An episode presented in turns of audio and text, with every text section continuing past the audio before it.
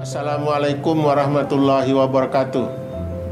Saya Haji Isran Nur, Gubernur Kalimantan Timur, menghimbau kepada seluruh masyarakat Kalimantan Timur untuk segera lapor SPT tahunan tahun 2020. Laporan pajak hari ini dengan e-filing lebih awal tentu lebih nyaman dan aman. Pajak kuat Indonesia maju. Wassalamualaikum warahmatullahi wabarakatuh.